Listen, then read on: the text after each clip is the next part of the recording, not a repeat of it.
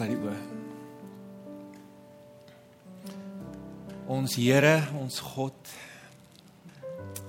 Ons gebed is soos wat ons net gesing het dat U hier sal wees. Dat alles wat ons sê, dat alles wat ons doen vir U goed sal wees, vir U aanneemlik sal wees. Here, ons bid vandag dat U ons sal red. Dat U ons sal red van bekommernis. Sal red van hopeloosheid en dat U ons sal gebruik. En ons bid Here dat wanneer ons uit U woord lees, dat U met ons sal praat dat U dit vir ons sal oopmaak en dat U dit in elke mens se lewe sal laat sigbaar word. Ons bid dit alles in U naam alleen. Amen. Sjoe, hallo almal. Sê maar vir my hallo. Dis so. Julle het nou klaar gehoor wie ek is. Ek ken julle nou nog nie almal nie en ek moet erken ek is bietjie op my senuwees, daarom het ek my rente crowd gekry. Ek het nou voor die tyd vir hulle al die tekens ge, gewys. So as ek my een wenkbrau lig, dan gaan hulle begine lag, dan moet julle lag en as ek blyk of ek huil, moet julle huil. So alles is nou so sorted. Ehm um, ek moet erken ek voel altyd skuldig as ek 'n tweede diens moet doen en die arme aanbiddingsspan en die klankspan moet nou dieselfde preek twee keer hoor. So ek het so vir 'n oomblik oorweeg om dalk uh, iets anders te preek en toe het Colin nou gaan klaar sê wat ek moet preek. Toe jy hulle gegroet het, so julle kry nou maar ongelukkig dieselfde preek as wat die agterdiens uh, gekry het, maar ek ek hoop daarom uh, dit werk ook vir julle. Maar vir my is dit altyd moeilik om te preek by 'n nuwe gemeente, want aan die een kant ken ek nie julle stories nie, maar aan die ander kant is dit my baie lekker want ek kan enigiets hier voor sê en die arme dominees um, wat in die week gaan moet werk, gaan al die gemors wat ek hier voor kwytraak moet opruim en dit gee my 'n groot vreugde. Maar maar ek weet ek is nie die enigste wat my senuwees is nie want dit is nou wel die 10 uur diens en ek vermoed julle ken my ook nie. So julle weet hoe lank preek ek nie. So daar's waarskynlik 'n klomp mense hierse wat klare hoender in die oond het of het 'n lekker in julle o, oh, julle is in vir 'n verrassing. Nee, ek ek, ek speel dit sommer maar net, maar ek moet erken ek het gewonder waar preek 'n mens op 'n dag soos vandag. En ek het besluit as 'n mens moet preek, dan preek jy die woord. Nou klink dit pragtig, mooi pietisties, vroom. Jy sit sit al klaar om weer en dink hierdie dominee is nou een van daai wat nou vir ons die Bybel gaan uitlê van Genesis tot Openbaring. En as jy so aan die woord dink, dan is jy natuurlik reg wat ek glo, net soos jy, dat hierdie 66 boeke die woord van God is.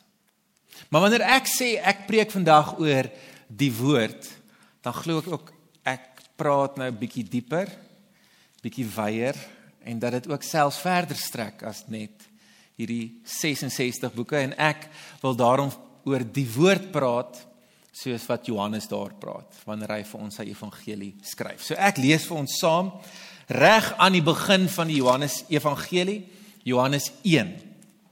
En hy begin so. Ek weet nie of daar van julle is wat op julle in jou eie Bybel sal saam volg nie. Dis bladsy 107 op die Bybel hier voor my.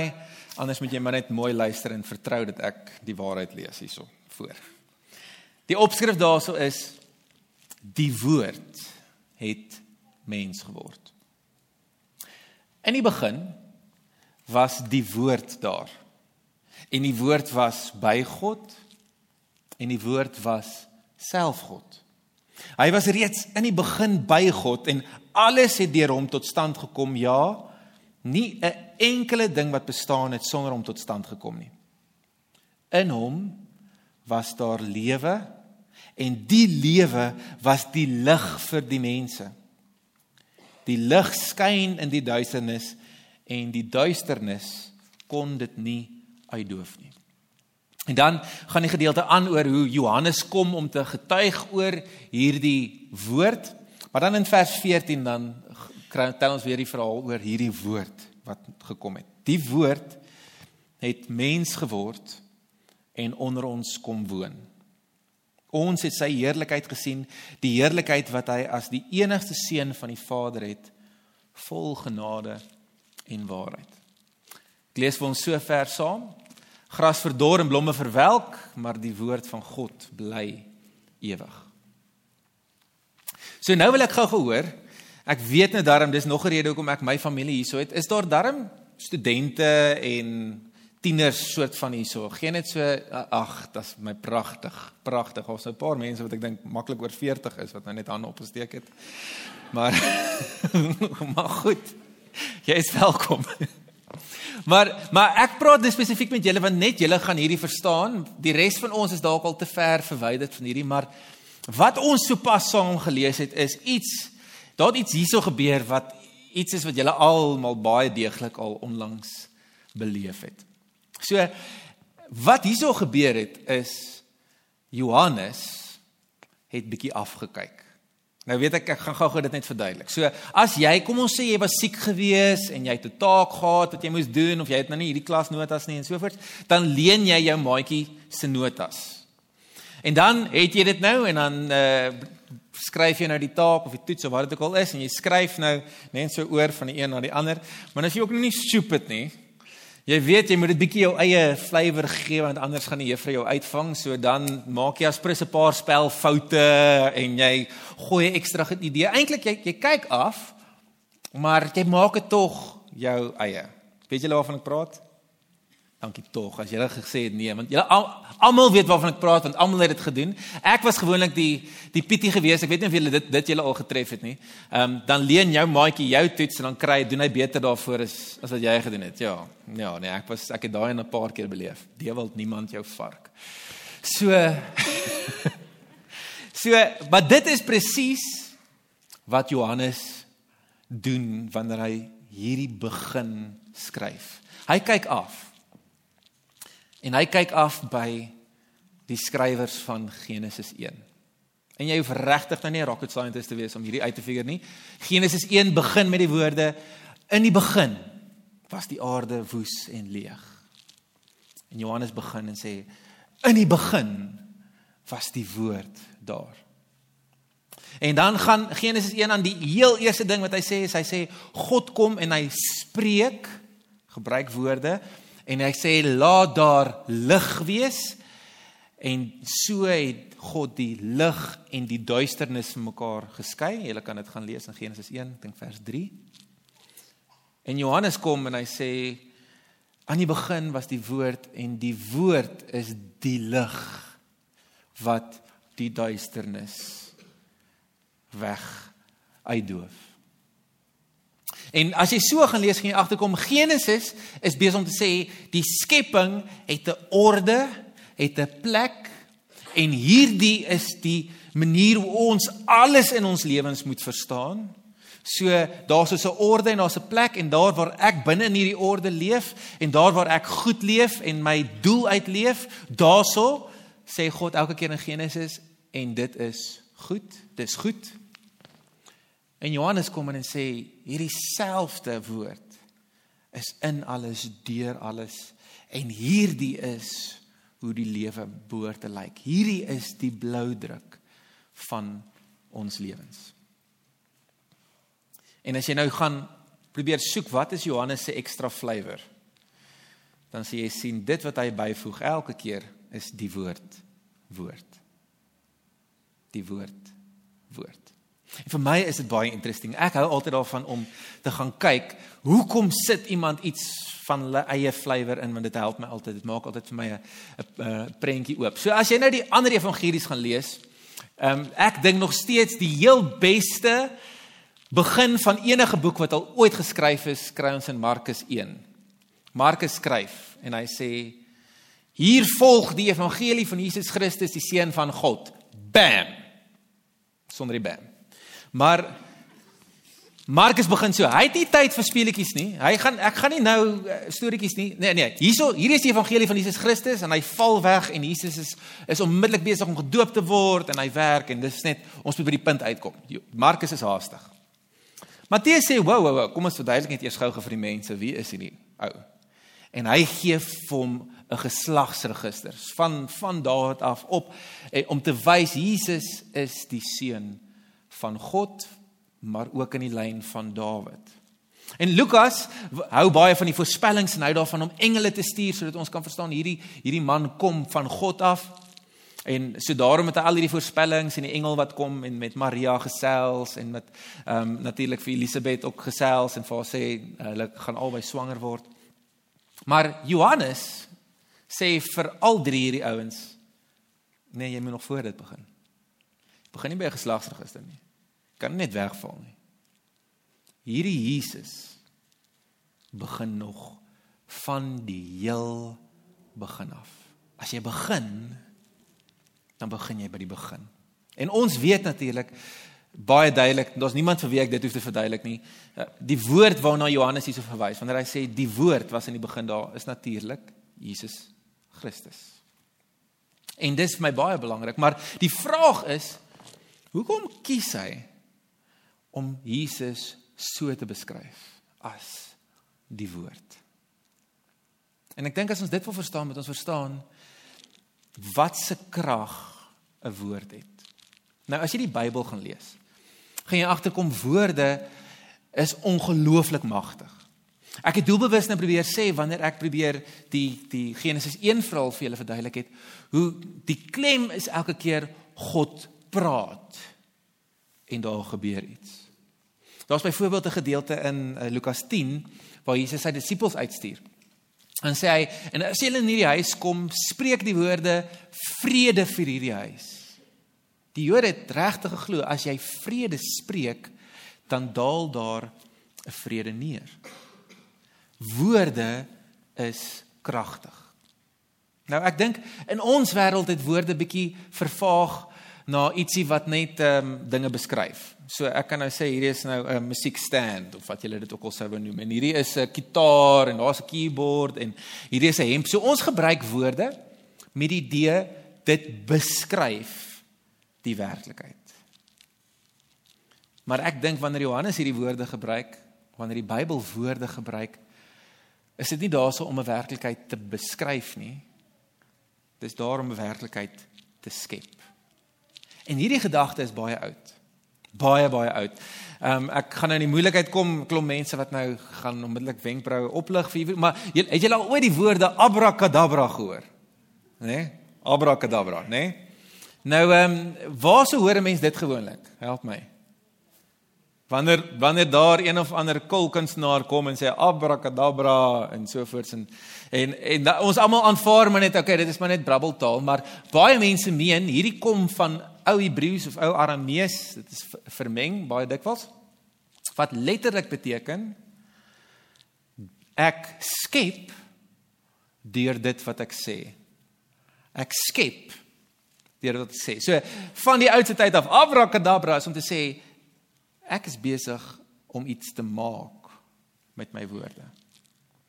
Ek kan vir my sê van Wouter, dis net dis nie hoe ons vandag dink nie en ek gaan vir jou sê jy's verkeerd. Woorde skep werklikheid. Dit beskryf nie die werklikheid nie. Dit skep die werklikheid. Toe ek 'n tiener was, het ek een keer op 'n verhoog gestaan met 'n kort broek en toe die klankingenieur na my toe gekom en sê: "Sjoe, jy jy daar 'n maarbene. Kyk daai tande stokkies." En tot vandag toe maak nie saak hoeveel ek fietsry nie, het ek in my kop Ek het tande stokkie bene. Woorde skep werklikheid. 'n Vriend wat vir jou sê jy's jy's arrogant. Dit word die werklikheid waarin jy leef. 'n Huweliksmaat vir jou sê wat sê jy's jy's high maintenance. Dit word die werklikheid waarin jy leef. As 'n kollega vir jou sê, weet jy, jy's nie besig om te pitch nie. Jy kom in die mas op nie dit word die werklikheid waarbinne jy leef. My eie gemeente werk ek met tieners. Ek het dit in die eerste diens ook gesê. 'n Tiener het een keer vir my so op kamp gesê, weet jy, ag, ek's net useless. En ek was lanklaas in my lewe so ontstel. Want as 'n tiener vir my sê ek is useless, is dit die wêreld waarin hy bly. Dis die werklikheid waarin hy leef. Dink bietjie aan jou eie lewe. Wat is daai ding wat iemand vir jou gesê het? Wat nou nog in jou is.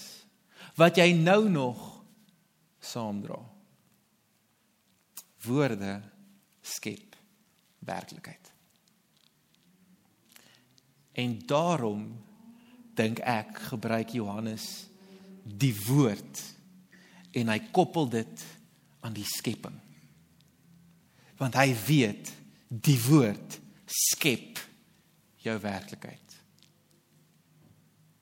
Maar Johannes kom en hy gee 'n ander hoek. Hy gee 'n ander idee van die werklikheid. Wanneer hy die werklikheid beskryf deur die woord elke keer, jy kan dit in jou eie Bybels van gaan saam lees. Wanneer hy die woord beskryf, dan sê hy die woord bring lewe. Hy sê die woord bring heerlikheid. Die woord gee lig. Die woord gee genade. En een van my gunstelings dalk die belangrikste een. Hierdie woord is die waarheid. Hierdie woord is die waarheid. Johannes wys deur die woord wat God stuur. Hierdie is die lewe waarin ons werk. Hierdie is die lewe waarin ons leef en dis die waarheid en enige ander storie wat jy hoor is nie van God nie. Die waarheid is hierdie woord wat na ons toe kom en lewe en lig en heerlikheid en genade en waarheid gee. Die lewe waarin jy leef en die woorde wat jy gebruik is die werklikheid wat jy skep. Iemand het dit eendag so vir my so mooi gesê, gesê woorde is 'n kommunikasie en 'n kommunikasie verklap iets van die persoon wat dit kommunikeer se hart. So jy kan sien wat in daai persoon se lewe aangaan met die woorde wat hulle gebruik. En julle weet waarvan ek praat. Ek is seker almal van ons het 'n naam in ons koppe van iemand wat woorde die hele tyd uitspoeg wat haat en en regtig negativiteit en hopeloosheid uitgaan. En dis die wêreld waarin daai persoon leef. En jy het die keuse om daai werklikheid te aanvaar of te verwerp en te sê ek leef in 'n ander werklikheid. Ek is die afgelope ruk waarskynlik net soos julle amper verslaaf aan nuus wat daar ver in die ooste gebeur. Hoekom gebeur dit? Want iemand het 'n woord, het 'n storie in hulle kop gehad en sê hierdie mense is onsin en nie julle sin nie en ek sal enigiets doen om seker te maak hierdie mense bly onsin. In watter wêreld leef jy? 'n Wêreld waar geweld oukei is. 'n Wêreld waar derduisende mense se lewens niks beteken nie. Want my woord is die werklikheid waarin ek leef. So ruk terug was daar 'n groot hofsaak gewees wat julle almal van bewus is van 'n lied wat gesing word nou nog. Wat sê daai lied se woorde? Dit skep 'n werklikheid van ons haat julle en ons het geen manier om vrede te maak nie. En almal wat deelneem aan daai lied is besig om daai werklikheid saam te te skep. Maar hier is die punt. As jy gaan saam speel in daai werklikheid, is dit die werklikheid waarin jy gaan leef. Maar Johannes kom en hy sê die woord wat God stuur is anders. Ons sien God se hart, God se intensie vir die wêreld deur die woord wat hy stuur. En dis 'n wêreld van liefde, van lig, van vergifnis, van hoop, van wonderwerke wat gebeur. Daar waar jy glo daar's geen manier hoe hierdie ding gedraai kan word nie, dis presies daar waar God inkom en ingryp en verander. Reg aan die einde van hierdie evangelie nadat Johannes nou alles beskryf het, al die wonderwerke gedoen het Jesus opstaan dan is daar 'n soort van 'n redakteur se voetnota wat hy sê in Johannes 20 vers 30 en 31 sê Jesus Christus het nog baie ander wonderwerke en tekens gegee in sy tyd en as ek al hierdie wonderwerke sou moes opteken sou my papier te vinnig opgeraak het. Maar jy is welkom om nog daarvan te gaan luister. Maar dit wat ek vir jou beskryf het is genoeg. En dan gebruik Johannes die die woorde dat jy die lewe kan kry. As ek dit my eie vertaling kan maak, die woord wat ek vir jou gee, wat ek vir jou vertel, die wêreld waarin jy leef, is daar sodat jy kan lewe. Wat gebeur wanneer jy in 'n haatdrawende mens se werklikheid leef? Jy verloor lewe. Stukkie vir stukkie vir stukkie. Jy kom op 'n punt waar jy sê maar maar wat is my doel hierso? Hoe pas ek in? Ek het geen geen vooruitsig nie. Stukkie vir stukkie gaan jy dood. Johannes kom en hy sê maar die woord bring lewe. En hy wys vir ons daai lewe. Hy wys vir ons in Johannes 14 sê Jesus vir sy disippels, ek is die weg en die waarheid en die lewe. Wat eintlik daar sê, kyk hoe ek leef. Soos wat ek leef, dis waar jy lewe vind. In die lydenstyd waarin ons nou leef. Is dit vir my so opvallend terwyl ek hierdie tekste oor en oor lees. Hoe Jesus elke keer lewe bring vir mense wat dood is. Wanneer hy aan die kruis is, dan sê hy vergewe hulle Vader. Wanneer hy aan die kruis is op sy einde waar daar net haat en die werklikheid bloedig en gewelddadig is, dan sê Jesus kyk julle na mekaar, sien mekaar om. Vrou, hierdie is jou kind. Kind, hierdie is jou moeder. sien om na mekaar. Dis die wêreld, die werklikheid wat God skep. En dit is my gebed ook vandag. Mag jy in hierdie wêreld leef. Mag jy hierdie woord as die waarheid beleef. Mag jy uitgaan en oral waar daar 'n valse beeld verkondig word, mag jy gaan leef en beleef hoe die woord jou laat lewe. Amen. Kom ons bid saam. Here, dankie dat ons 'n ander prentjie by U kry. Dat U ons gebruik en dat U met ons werk en met U woord ons herskep. Ons verander sodat ons U prentjie kan wees vir die wêreld waarin ons leef. Here, ons weet daar's baie plekke waar dit nie so lyk nie, waar dit moeilik is om hierdie te glo. Ons wil vir dankie sê dat ons in 'n kerk is waar ons oor en oor en oor kan getuig dat U die lig is, dat U die weg is, dat U die waarheid is en dat U teen ons teenwoordig is by ons. Ons bid dat Here U ons sal gebruik en elke dag so met ons sal werk. Ons bid dit alles in U naam alleen. Amen. Die laaste lied wat ons gaan sing is my persoonlike baie mooi lied en 'n baie kosbare lied. Dit is geskryf deur 'n persoon uit Afrika. Ek kan nou nie onthou wie waarson nie. Ek wil sê Zambië, maar ek dink ek jok as ek dit sê. Ehm um, en dit is doelbewus geskryf met die prentjie van God wat hier tussen ons kom woon. En as jy jou Bybel ken, sal jy weet dit is die tabernakel waar God gekom het met sy volk in die woestyn. Tussen ons kom bly het om hulle lewens te verander. En dit is presies wat ek glo ons moet sing vandag. Ons moet sing en getuig daarvan. Hierdie is die woorde wat ons glo. Hierdie is die woorde wat ons leef. Dis ons werklikheid.